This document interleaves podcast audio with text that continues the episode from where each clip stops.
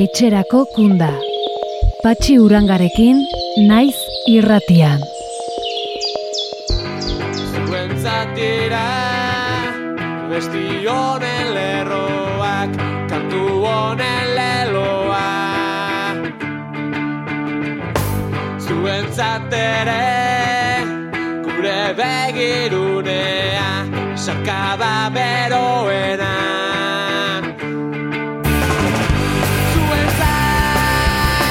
Kaixo denoi, eta ongi etorri etxerako kunda saiora. Iban Kolona, Frantziar espetxe politikak eraile izan da. Sahara, enegarren aldiz saldu dute Espainiarrek. Ikusten duzuenez, inguruan ere ez da giro, baina aurrera egitea besterik ez zaigu geratzen. Gaurko saioan, bi elkarrizketa izango ditugu gai beraren inguruan.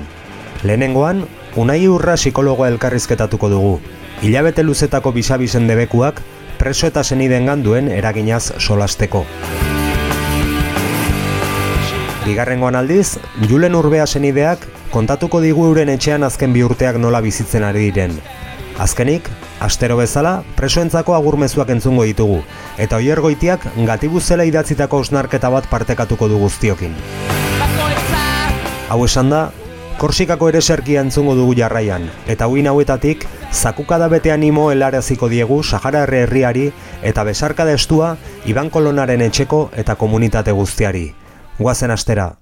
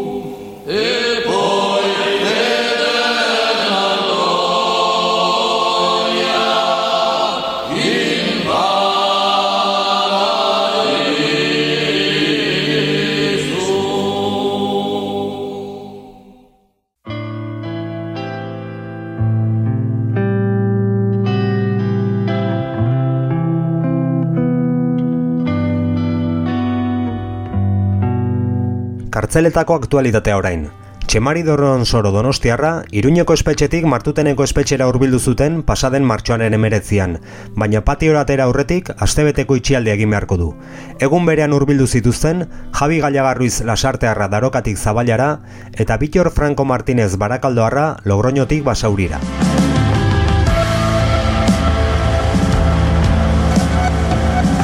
Emilio Salaberria aske.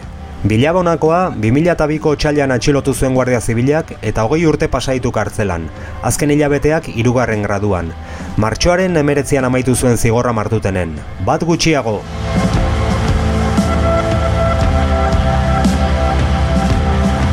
Euskal Herria Bilduk manifestazioa deitu du datorren martxoaren hogeita bosterako Iban Kolona militantearen hilketa salatzeko. Manifestazioa Baionan izango da eta San Andres plazatik abiatuko da iruretan hasita.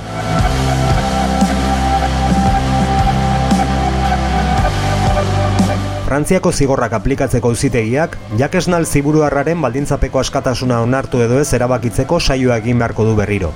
Esnalek 2008ko maiatzetik aske behar zuen, baina fiskaltzak auzitegiaren erabakia blokeatu zuen. Gogoratu behar da jakesek irurogeita urte dituela eta goita mabi daramatzala preso.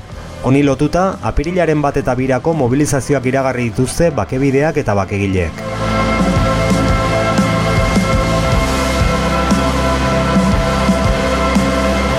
Etxerat elkarteak burutu dukinkiaren promozioari dagokion lehen zozketa. Bat iru, bost, 0 zazpi zenbaki izan da saritua, eta gazteizen saldu zen. Honen bestez, irabazleak hogei mila euroko saria jasoko du Arantxa Ziolaz ilustratzaileak egindako eule artelanarekin batera. Eta sari nagusiarekin batera, beste sari ugari ere banatuko dira.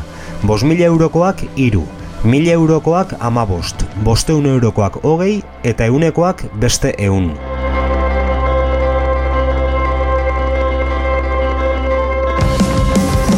Tipularen sehaskakanta dokumentalaren urrengo manaldiak orain. Martxoaren hogeita iruan, Zarauzko modelo zineman zazpiretan. Hogeita seian, Lesakako Arriondoa kulturetxean zazpiretan eta Lasarteko kulturetxean zortziretan. Hogeita zazpian, Usurbilgo zutegin seiretan eta hilaren hogeita maikan, Oihartzun udaleko pleno aretoan seiterritan hasita.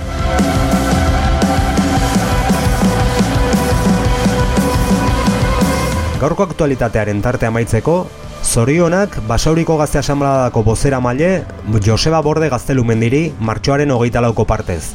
Eta martuteneko bozera male izateari lagaberri dion Joseba Regiri martxoaren hogeita zazpiko partez. Bientzat, jarkor eta punk erritmo bizian datorren abesti azkarrau. Zenbat gera lau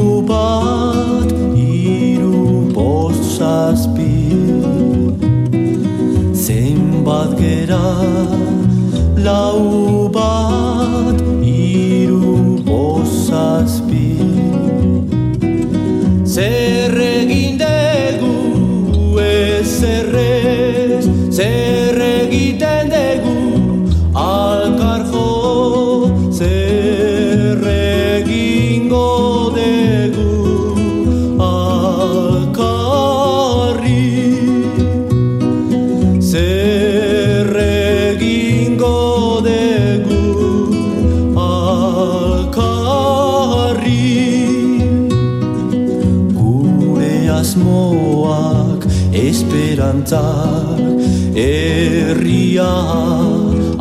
askatasuna Justizia pakea Egia maitasuna Mitoak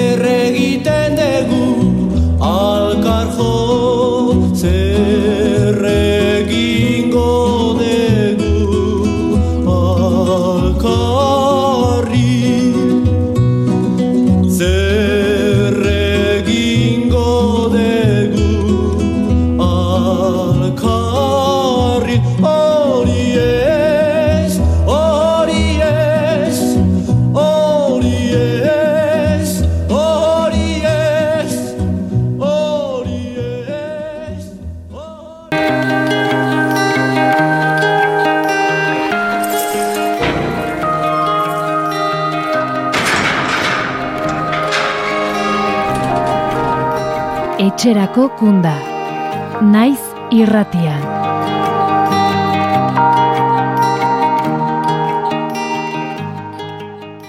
Unai urra dugu gurekin etxerat elkarteko psikologoa. Unai, ongi etorri etxerako kundara.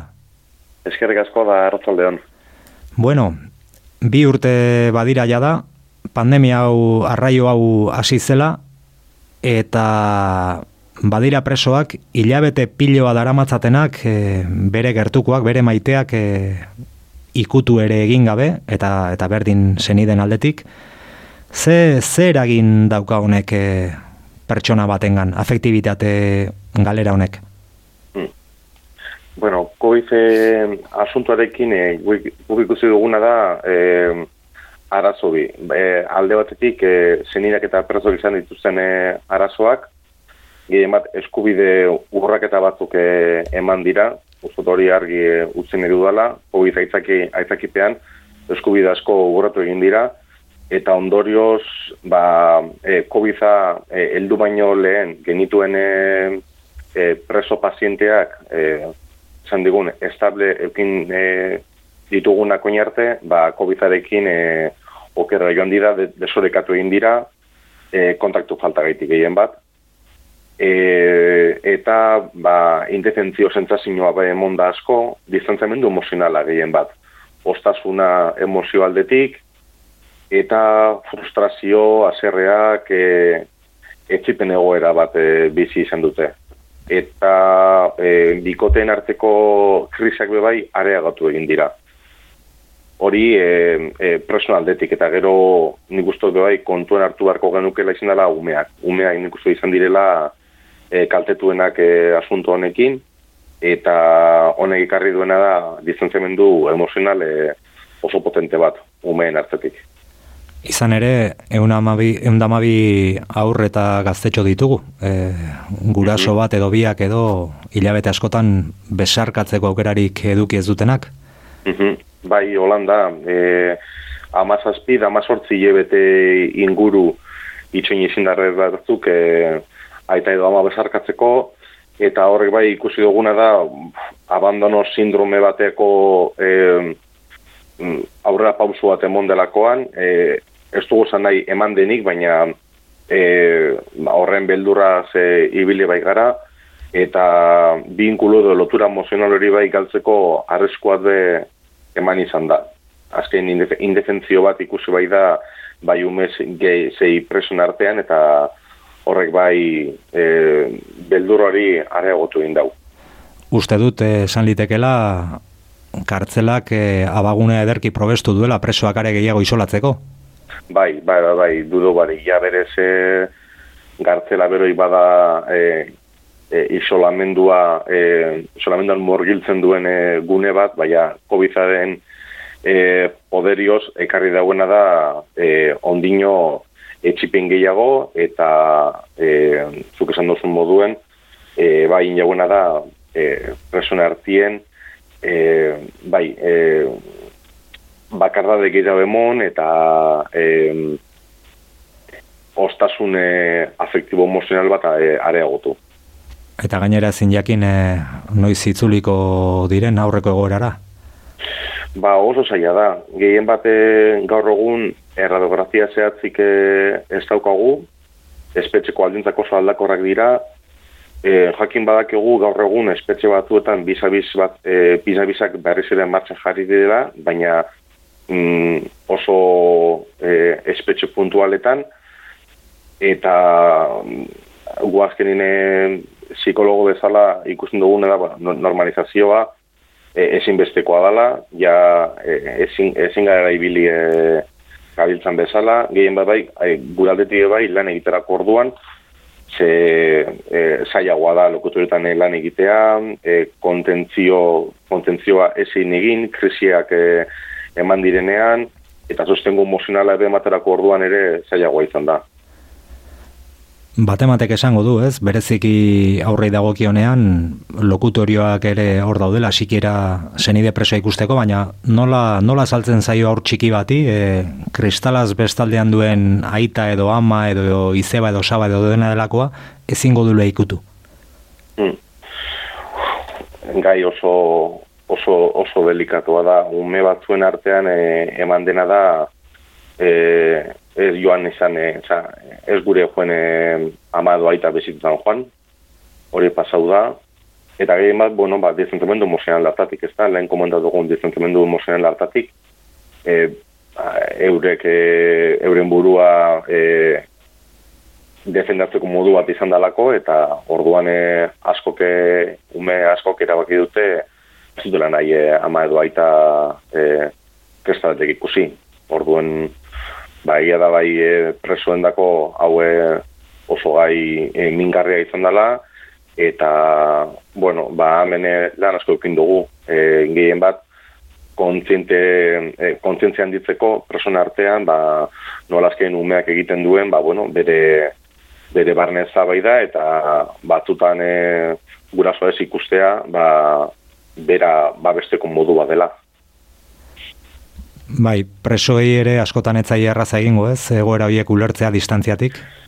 Ez, ez, oso zaila da, da gehien bat, e, hau dana saltzea, lehen esan dudan moduan e, lokutorioetan, e, bezarkadarik gabe, kontakturik gabe, e, sentitzeko e, momentu hori gabe, ba, asko ere zailagoa da. Gainera askotan lokutorioetan, e, telefonioak ez, e, ez da bizondo, ez da ondo entzuten, e, informazioa galdu egiten da, e, e, oso zaila da komunikazio bat, eta e, terapia bat e, aurrez aurrekoa ez baldin bada oso zaila da audana adiraztea e, barruan e, dagoenari. Gehien badazkenen bai espetxek egiten dagoena da da e, dauzen arazoak handitu egiten dauz normalean orduan e, alako gai delikatu batekin e, umeak tartak daudenean oso zaila da e, lan egitea. Atentzio ematen du, kalean e, neurri murriztaile gehienak e, altxadiren unean, ja denbora aste batzuk bada- badara matzagu, kartzeletan oraindik e, lehen egunetan bezala jarraitzea. Mm, bai, bai, bai, e, Holanda, e, ez daukan jengo zentzunik egia zan, e, e, presoak lehen baino isolatuagoak daude, e, COVID e, egoera honekin, eta bai, ados e, zuk esan duzuna gaz, azkenian e, laster e, kanpoan gaudenok, e, ara eta barru, ez ditugu ebaliko musukoak e, leku itxietara eramateko, eta hemen ondino kuarentenak, kuarentena gogorrak e, bizitzen e, dabiltzate barrukoak, eta hori azkenean, bai, dana areagotzen du, eta eta perreza, eta bat erreza.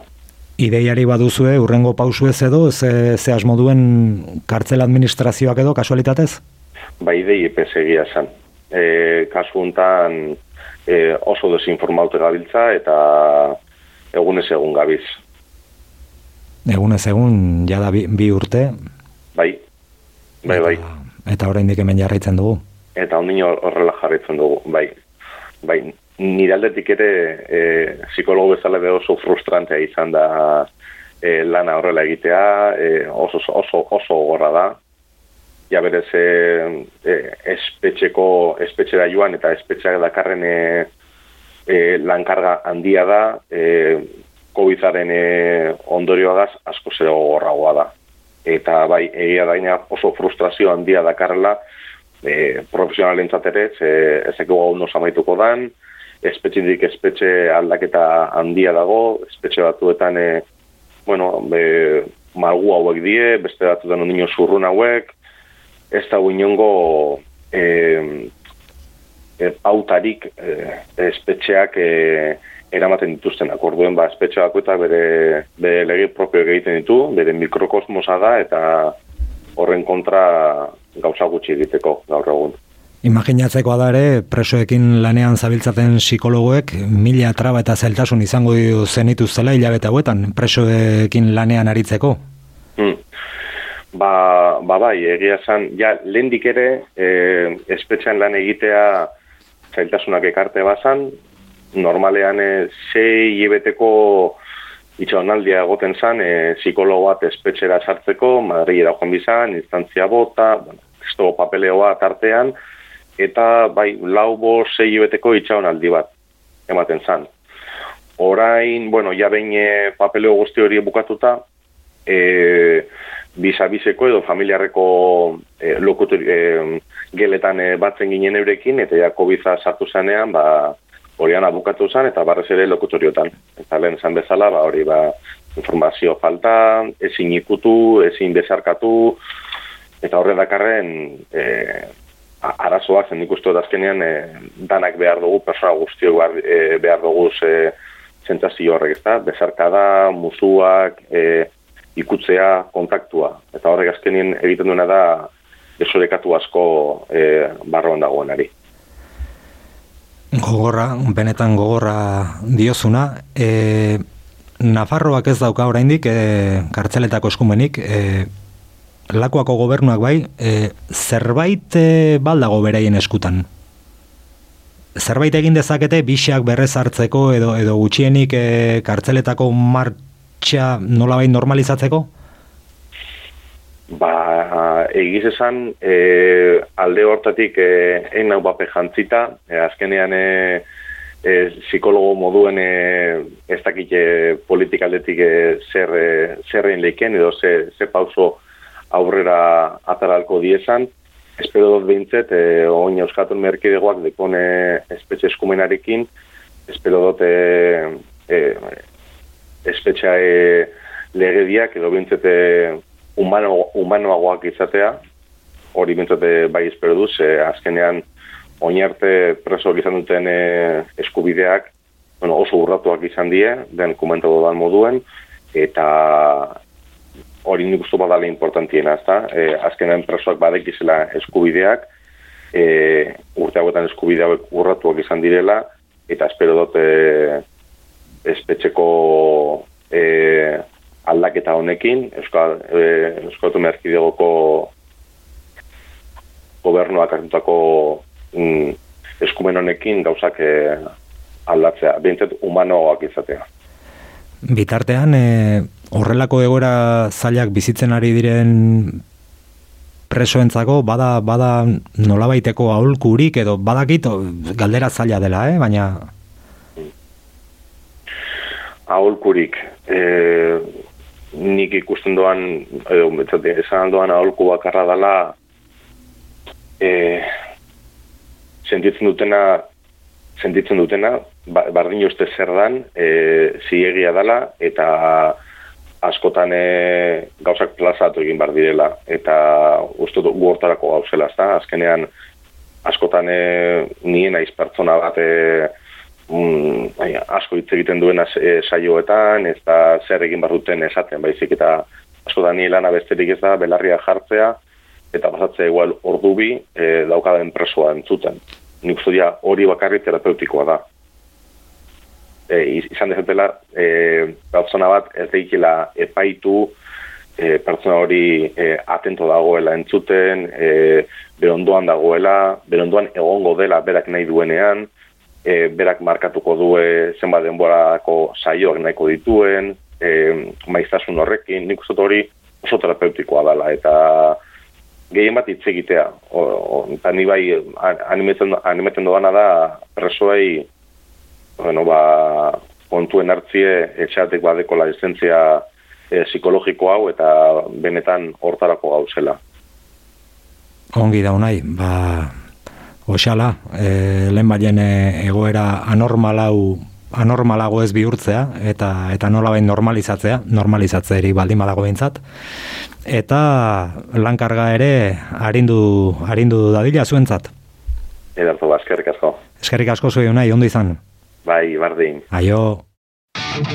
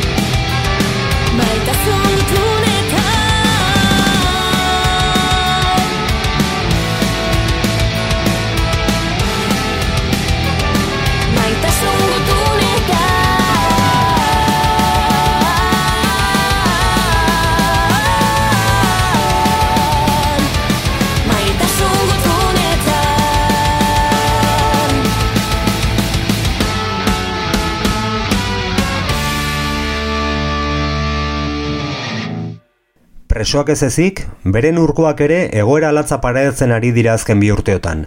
Julen Orbea, BH Berria eta Inigo Zapirainen urkoa da, eta oso gertutik ari da bizitzen bi presoen eta euren alaba iratiren egoera.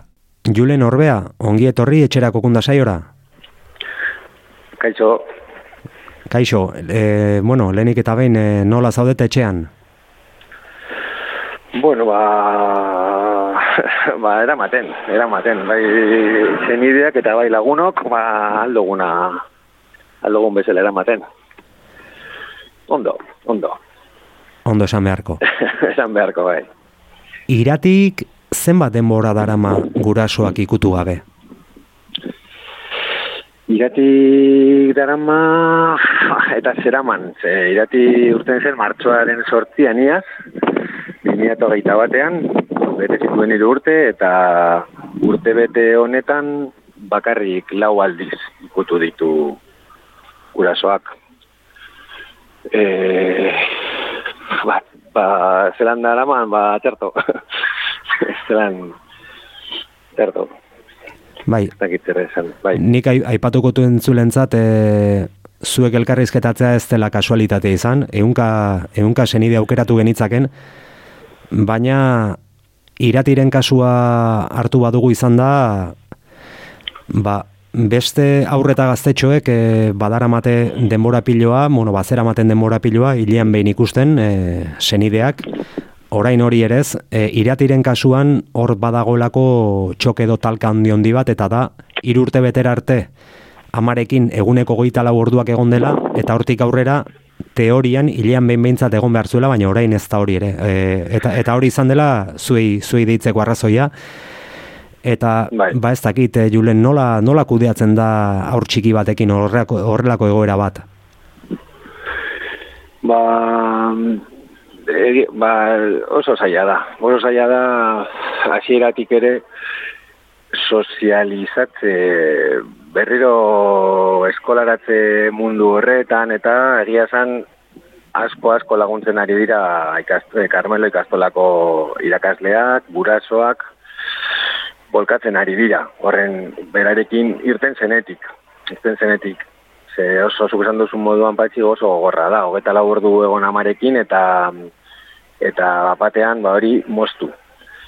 Eta, bueno, ba, etxean amamarekin eta editerekin bizi da, e, jokin osabarekin, eta baditu ere ba, beste lenguzinak bera, bera baino nagusiagoak direnak, baina eta lenguzutxo bat, eta bueno, ba, moldatzen, moldatzen doaz, moldatzen doaz. Baina gero eta denbora gehiago pasatu, ba, konstienteagoa da guztiaz, eta ba, gogorra, oso gogorra da, oso gogorra. Bai, nola, nola ulertarazten zaio aur bati ezin dutela gurasoak ikusi eta eta ikutu. Ba, hori zinezkoa da. Hemen e, ez da bakarrik e, espetxe politika zita lau. Gero batu zaionez, ba, denoi etorri zaigun pandemia krudela, ba, bai, egon dira saiakera batzuk, pantalla baten bitartez bideodeiak eginez, baina hori ume batentzat ez da, ez da, ez da, ez da nahikoa, badakigu danok. Zer den amarekin egotea, aitarekin egotea, hartu eman hori, lastan bat, hori dana saltzea, irurteko ume bati edo lau urteko ume bati oso gogorra da, oso gogorra da. Badakigu espetxe batean edo bestean, ba, bueno, hasi direla nolabait e, bisak egiten edo, e, irati gurasoak dueson ditu, zein da, zein da duesoren egoera une honetan? Badago bisik eh, programatuta edo edo esan dute zerbait edo? Ba, printzipioz oraindik ez, oraindik ez. E, azte honetan joango da irati berriz ere pff, gurasoak kristaletik ikustera, Eta hori ere, bor gurasoak, ba, bai bea eta inaki, bai ibili dira, ibili ziren zalantzati, zelan kudeatu hori, e, beldur askorekin, lehengo, lehengo kristal horretara, eta ba, ba, dirudienean, ba, dena martxan jarriko zela, ba, berriro zapustu zitzaigun, eta orduan ba, gogorra. Gogorra, ze iratik ere, galdetzen du, eta ez du ulertzen ondo noiz bai, noiz ez, zergaitik orain izten didazue, aita edo ama laztantzen eta biarrez, orduan, bueno, horretan. Bai. Elduoi, elduoi ulergaitza zaiguna, nola, nola saldu hor batin? Ba, ezinezkoa da, ezinezkoa da. Hori oso krudela da, hori honek umeek buizitzen dutena ez daukate inongo, inongo ardurarik ezetan, eta gaur egun, hogeita garren mendean, Europan, hau, bueno, krudela da, oso krudela da. E, bardin da zein den e, gurasoak edo espetxean egotearen arrazoia. Hori berdin da. Kasunetan gureak, ba, gainera preso politikoak dira. Baina ume, ume bati zin zaio hori egin. Zin zaio hori egin. Guk iratiren dinamika bat abiatu genuen, iaz, eta, boni, ba, irtetzeko zegenean, ba, hor, horretaz ba, gizartea hartarazi nahi genuen, esan ez, bueno, amer batzuk daude, ume hauek eskubideak dituzte, eta eta ba, hori pasatzen da espetxe politikoa errotik aldatuz. Badaude beste eredu batzuk, non, jo, e, gurasoak berdin da zein delitu egin da ere, eskubidea daukaten, bizitza normaldu bat izateko beraien alaba edo semearekin. Eta batez ere, ume hauek eskubidea daukate gurasoen gandik gertu egoteko. Eta hori da izan zen gure ba, iazko dinamikaren ba, ez dakit, eskaera edo eskari nagusia. Umeak jartzea zentroan. Suposatzen dut e, denek babestuko zutela? Bai, haoz, egia esan hau batez. Egon ginen e, gaizizko parlamentuan, e, ezkiztakit, bueno, boxekin ez ginen batu, peperekin ez da, baina pepek ere, pepek gordezkariek ere parlamentariek izan zuten, ba bai, politika, betxe politika aldatu behar zela, umeek ez eukatela inongo errurik, baina, claro, hau izan zen iazko martxoan, bagenekin etorriko zela e, espezie eskumena gaztoizko parlamentura, edo ezko jarlaritzara, eta hor geneukan guk pizka bat, ba, bueno, ba, esperantza zantzu txiki bat, aldatuko zirelakoan gauzak, baina, bueno, aurrera doa denbora eta eta ez dakite onera edo kasu batzutan e, edo umeen kasuan mentzat okerrerago goazen. Ea, ba, ez den... eskatzen genuena, barkatu, eh, Bai, patxi. bai, bai, esan, esan. Eskatzen genuena simpleki zen, e, ba, bueno, e, ikusita, e, ba, e, antolatu genuen itzaldi bat e, bide barretako liburutegian Bilbon, eta horretorri ziren, e, hasta espetxe zuzendari bat egon zen, Bartzelonatik, Katalunian beste eredu bat daukate, Eskozian beste eredu bat dago, badaude eredu gainera e, oso merkeak diruz, voluntade politikoa da bakarrik, voluntade politikoa da. Prestatu daitezke modulo mistoak, prestatu daitezke erak, non e, gurasoak, edo ume hoiek, gurasoekin egoteko ba, eskubide hori bermatzeko. Baina, ba, ez, ez da eman. Eta ba, bai da hori bez. Hori ere, ez, ea ba, ea ba, ez dakit e, argizpiren batek iluminatzen dituen edo burukolperen batekin e, pixkat espabilatzen diren eta egoera aldatzen den. Julen, zerbait gehiago gaineratu nahi baduzu, E, bueno, umen kontuarekin, ba, bueno, e, ez ikusten ditut, e, zoritxarrez, e, ba, orain irtetzen doazen gurasoak, aita amak, ez, eta, eta bueno, kostata, ba, jode, ba, berriro bizitza normal horretara bueltatzea, ba, gogorra egiten da. Eta nik ez dakit zenbat lagun eta kide ongo diren entzuten gaur gauean, beren ziegetatik, baina musu-musu haundi haundi bat eta animo guztiak gure parte. ba, hori bera, hori bera zuei ere larun batean, bidaia ona egin dezazuela, itxaso bat maitasun, bea eta zapirentzat, beraiekin dauden guztientzat, eta eta animo Julen, Bai, animo da noi. mila esker, Musu handi bat, mi zuei esker. ere, ondo izan.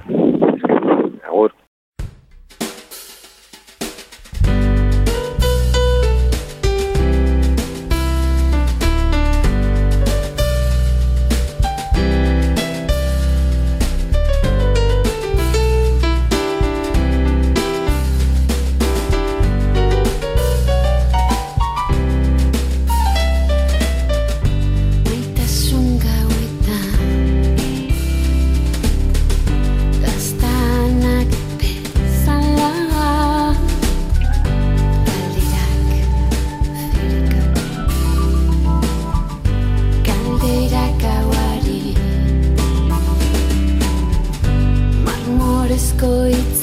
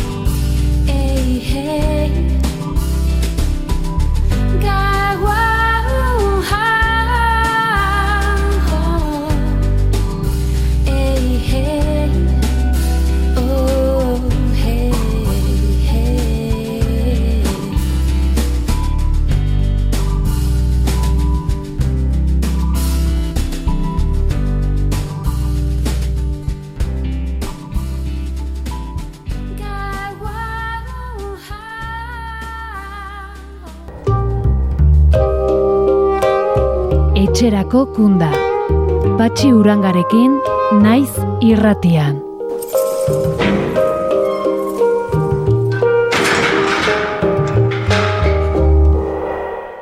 Mezuen tartea orain. Gogorarazi nahi dugu etxerako kunde irrasaioak aukera ematen dizuela presoei zorion eta gur mezuak audioan bidaltzeko. Eta egu Euskal Herriko kartzeletan gatibu ditugun lagunek entzuten dituztela ere bai.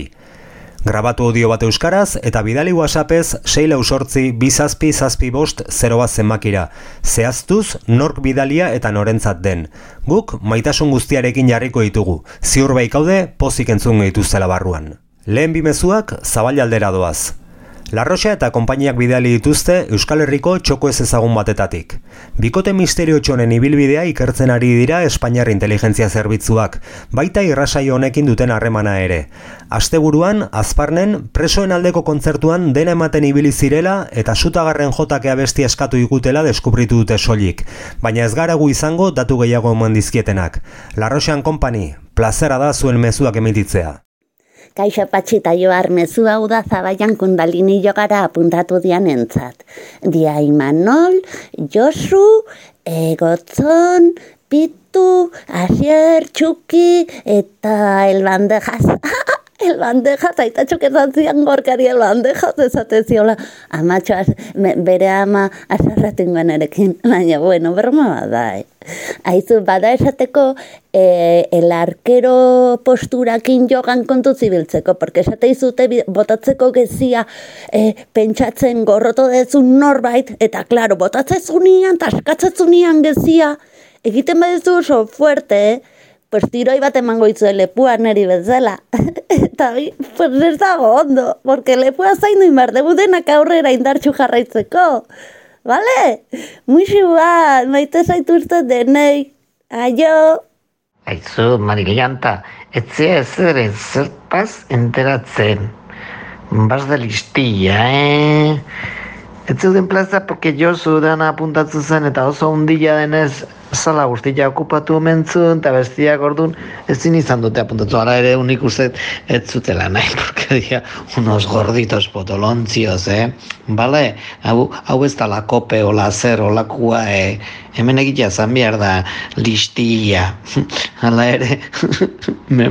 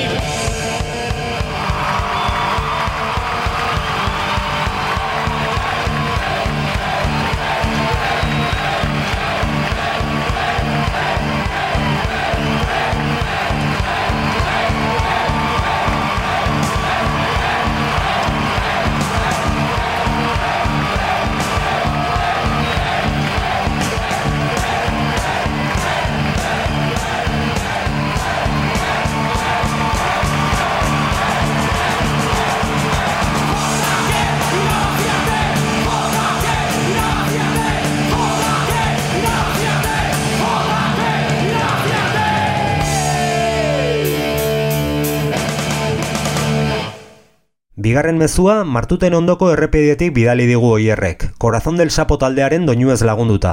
Matarifes daukeratu duen abestia, euneko eunean nire egiten ditudan hitzekin. Aupa Jordan, aupa Lupi eta aupa Troiti. Gaurkuen amorruz beteta martutene albotik, espetxei behira, eta Iban Kolona goguan.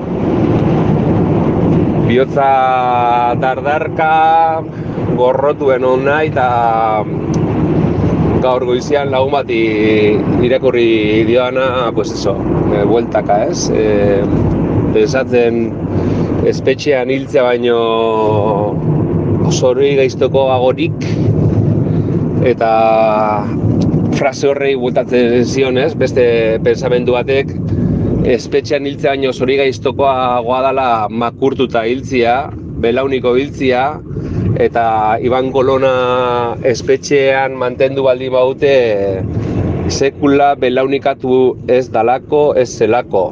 Eh? Eta horri heltzen diot, amorruz beteta gaur, indarra, indarra Jordan, indarra Lupi, indarra Troiti, eta mezu hau entzungo duten gaiontzeko lagunkide borrokalari baituak zelako amorrue lagunek, baina batzutan amorrue nahiko gasolina da ez?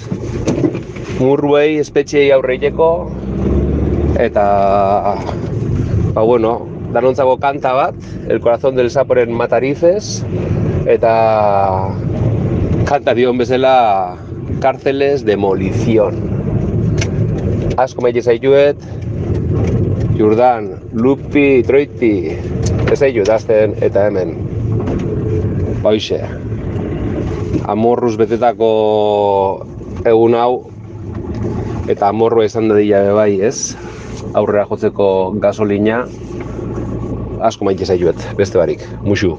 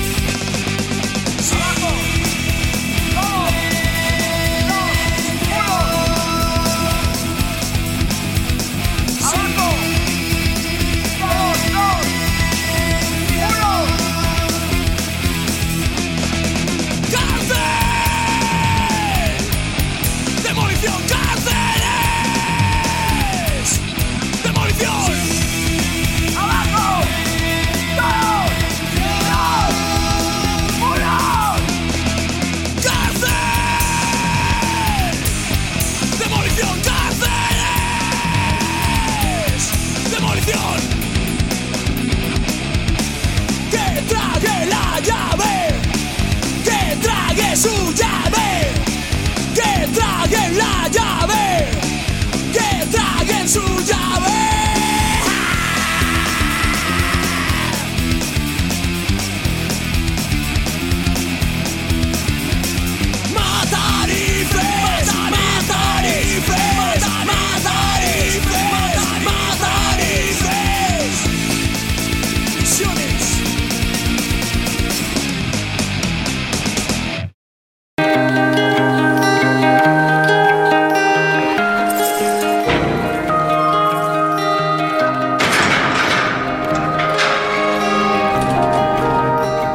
Etxerako kunda. Naiz irratian.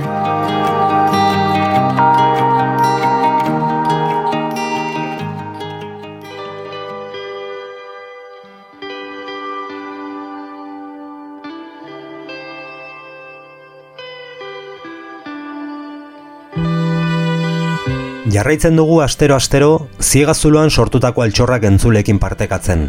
Asko eta asko direlako, kartzelan idatzitako olerki, ipuin eta bertsoak, margotutako irudi eta kuadroak. Gaurkoan, oier dugu gurekin, beti bezain zorrotz, hausnarketarako gonbitea eginez. Espainolek bide bazterrak egiaz beteak dituzte. Eun milaka egi lurperatu eta egia kondenatu.